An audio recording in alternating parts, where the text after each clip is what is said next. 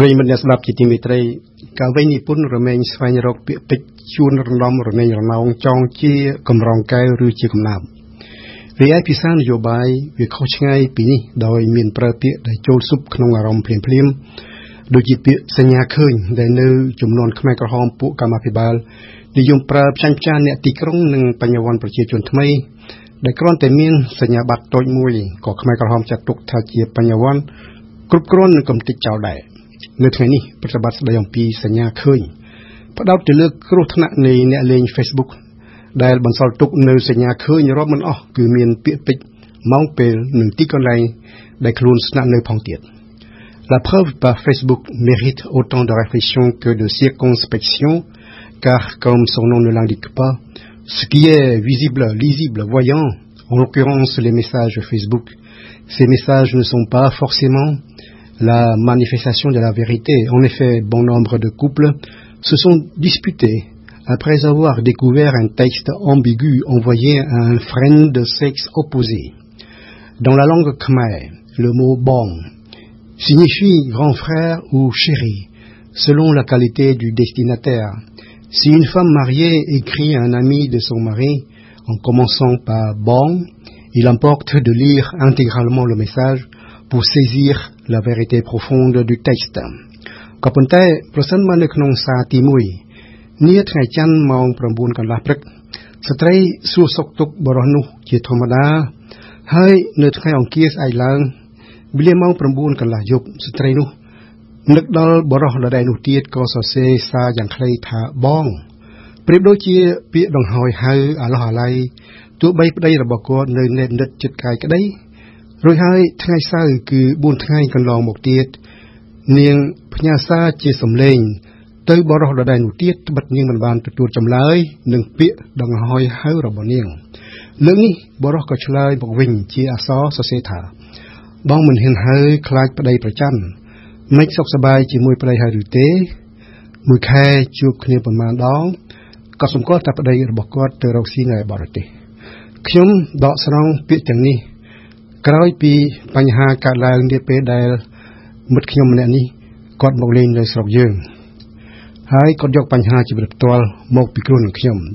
ធ្វើឲ្យខ្ញុំអាណិតគាត់យ៉ាងខ្លាំងដោយមិនអាចស្ទង់ស្ទាបជំរឿចិត្តប្រពន្ធគាត់បានទេ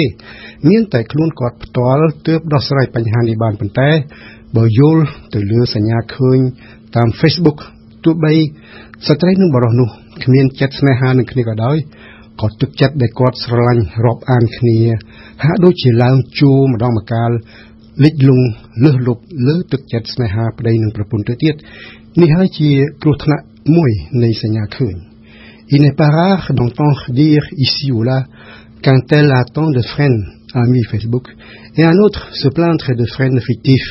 amis virtuels qui n'existent que selon les circonstances. Cependant, le plus grand danger du Facebook est le swatting, c'est-à-dire l'emprunt de votre compte par le malfaiteur. En effet, usant de ce subterfuge, ce dernier appelle la police secours, prétextant que vous venez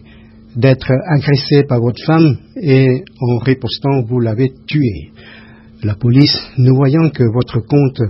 votre numéro de téléphone et munissant de votre adresse, intervient manu militari pour vous arrêter. Le malfaiteur, quant à lui, branché en vidéo réelle direct, se délecte de la scène d'interpellation. Danger imminent, car avant de découvrir l'enjeu véritable de l'appel falsifié, c'est vous qui êtes placé en garde à vue au commissariat. សញ្ញាឃើញមួយទៀតគឺឆាតវីដេអូដោយស្ត្រីមិននឹកស្មានថាប្តីខ្លួនឮពាក្យសន្ទនារវាងខ្លួននិងបរិសុទ្ធនោះឯងដែលជាមិត្តភ័ក្តិរួមគ្នាប្តីឮប្រពន្ធសួរទៅមិត្តខ្លួន ថាណែឃើញរោគខ្ញុំស្លៀកនឹងទេបងបងឯងនឹកឃើញទេយើងទៅបាយនៅមលុបក្រូចបរិះនោះតែអុញមិនចេញស្ដីចៃដន្យល្អប្តីបានដឹងថាពេលនោះឯងមានវត្តមានបងប្អូននឹងមួយក្មួយឲ្យទៀតផងដែរតែទោះជាយ៉ាងណាក្ដីមុនពេលសន្ទនាគ្នានេះមួយខែក្នុងកម្មវិធីមួយនោះប្រពន្ធបានសុំប្តីថាបងអូនចង់រំអោបជាមួយមិត្តបងបានឬទេ ប្តីដឹងថាប្រពន្ធមិនក្បត់ខ្លួនឡើយប៉ុន្តែ អាកប្បកិរិយារបស់នាងបង្ហាញនៅរូបភាពផ្ទុយស្រឡះពីនេះដោយដែលបានអធិប្បាយពីខាងដើមមកអីចឹងនេះហើយជាគ្រោះអាសន្ននៃសញ្ញាឃើញ ជាសម្ដីក្តី ជាវីដេអូ Facebook ក្តីបើប្តីប្រពន្ធគ្មានទំនុកចិត្តរវាងគ្នានឹងគ្នាទេនោះគូស្រករនេះច្បាស់ជាបែកបាក់គ្នាមិនខានឡើយ La quantité phénoménale de données collectées par Facebook, les fameuses big data, est une arme à double tranchante si l'on ne tient pas compte des facteurs environnants, à savoir la solidité du couple, voire la fidélité sans faille de la femme envers son mari. Dans l'exemple ci-dessus cité,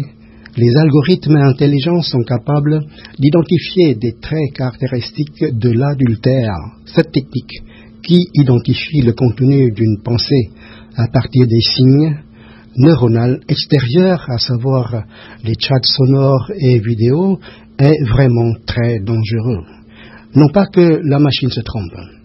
Notons au passage qu'elle ne devine jamais les données qui manquent, telles que le sentiment réel de la femme envers l'homme, toujours en me référant au cas véridique ci-dessus cité មួយរយៈក្រោយពីការជួបសន្ទនាអំពីសញ្ញាឃើញនៃភរិយាគាត់មកមិត្តខ្ញុំបាននិយាយប្រាប់ខ្ញុំថា គាត់បានពិភាក្សាយ៉ាងលម្អិតអំពីបញ្ហា Facebook ជាមួយនឹងប្រពន្ធរបស់គាត់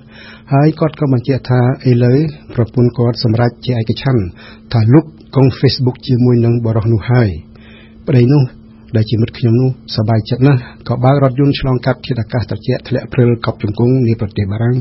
មកអួតប្រាប់ខ្ញុំទៀតថាបងខ្ញុំប្រឡងជាប់សញ្ញាបត្រស្នេហាហើយហើយអស់មានសញ្ញាឃើញ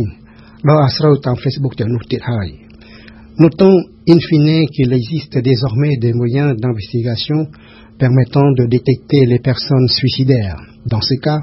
cinq zones du cerveau s'activent différemment en cas d'idées suicidaires. Cela résulte d'une expérience pratiquée sur 34 patients par la direction de l'université Carnegie Mellon, Pittsburgh, aux États-Unis. Quant à moi, je me demande à quand la prévention de l'adultère?